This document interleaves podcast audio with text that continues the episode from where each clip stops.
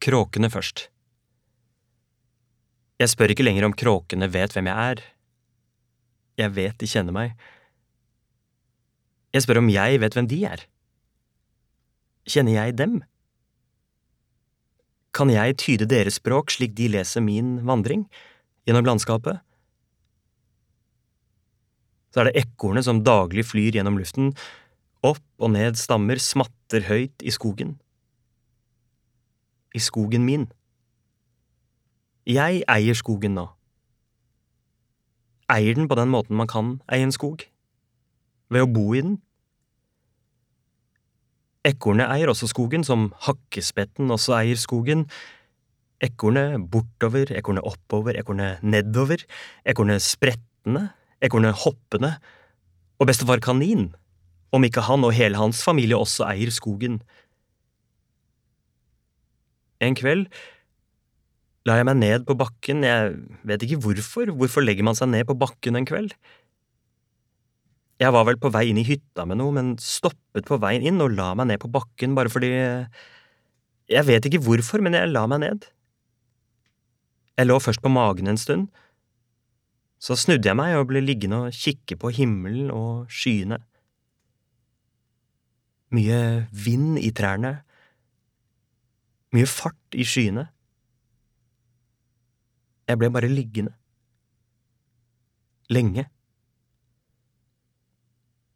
Jeg hadde alt jeg ønsket. Den enkle hytta. Friheten. Strevet for å skaffe mat. Rifla. Ensomheten. Salt. Litt sukker. Havregryn. Fiskens munn rundt agnet. Rykket i stanga. Kaninene bøker, veden, en seng, et bord og en stol, fiskens munn, rykke, rifla, en øks, komfyren, kaffe, kaninene, rundt agnet munnen, fuglene, ensomheten, årets skiftninger, ensomheten, strevet, veden, flammene, bålet som vi alltid har omgitt oss med, strevet. Ja, jeg elsket strevet. Strev er meningsbærende. Er det mulig å forstå? Flyene kom. Veiene kom. Menneskene kom. Den store veien ødela trekket mitt. Mitt tempel. Og bestefar Kanins hjem. Jeg forbannet flyene over hodet mitt, forbannet dem og skjøt etter dem, men rifleskuddene mine nådde ikke frem. Jeg står med føttene på jorda, og med blikket følger jeg livet på bakken. En maur. En til. Ti til. Hundre til. En hær. De har et slott i nærheten. Burde vært en festning. En maur bærer en annen. De kryper over risten min, og jeg er bare i dette. Kun i dette. Det er da jeg hører bråket fra en motor. Det er da jeg hører flyet. Jeg forbanner flyene over hodet mitt. Skyter etter dem. Men rifleskuddene mine nådde ikke frem. Sprengstoff var mer effektivt. Jeg er en eh, sensitiv person. Mange som kjenner meg, forstår ikke hvorfor jeg kunne gjøre som jeg gjorde, siden jeg er så følsom. Den type person som aldri ville skade noen. Men den som ikke forstår mine handlinger, har aldri blitt tilstrekkelig sint. Aldri følt tilstrekkelig harme.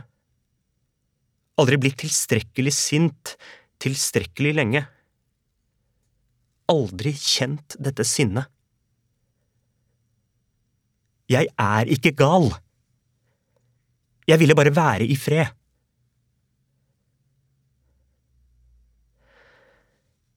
Døden kommer ikke med ljå. Døden kommer med en trådløs gressklipper. Om du velger en trådløs robotgressklipper og ikke en ljå, vil roboten til slutt drepe deg. Ikke ljåen.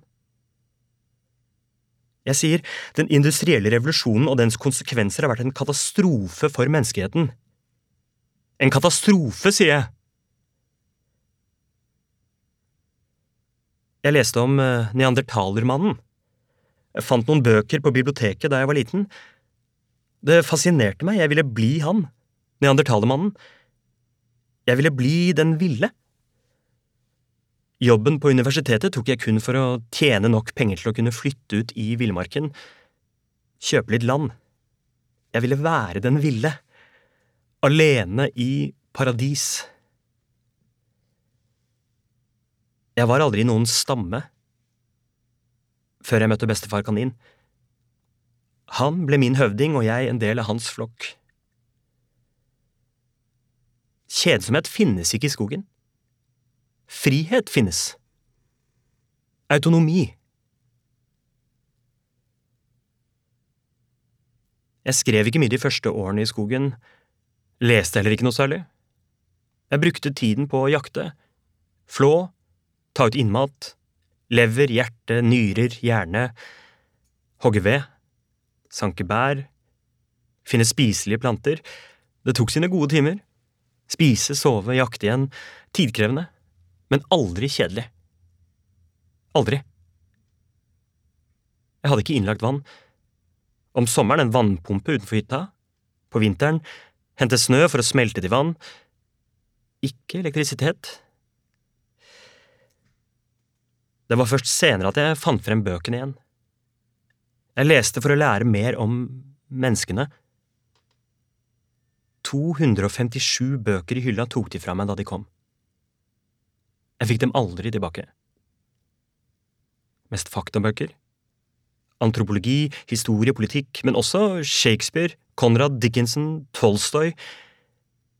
Jeg leste når det var lyst. Når det ble mørkt, sluttet jeg å lese. På vinteren laget jeg te av barnåler fra gran for å få i meg C-vitamin. Jeg skrev på en skrivemaskin. Det er vinter.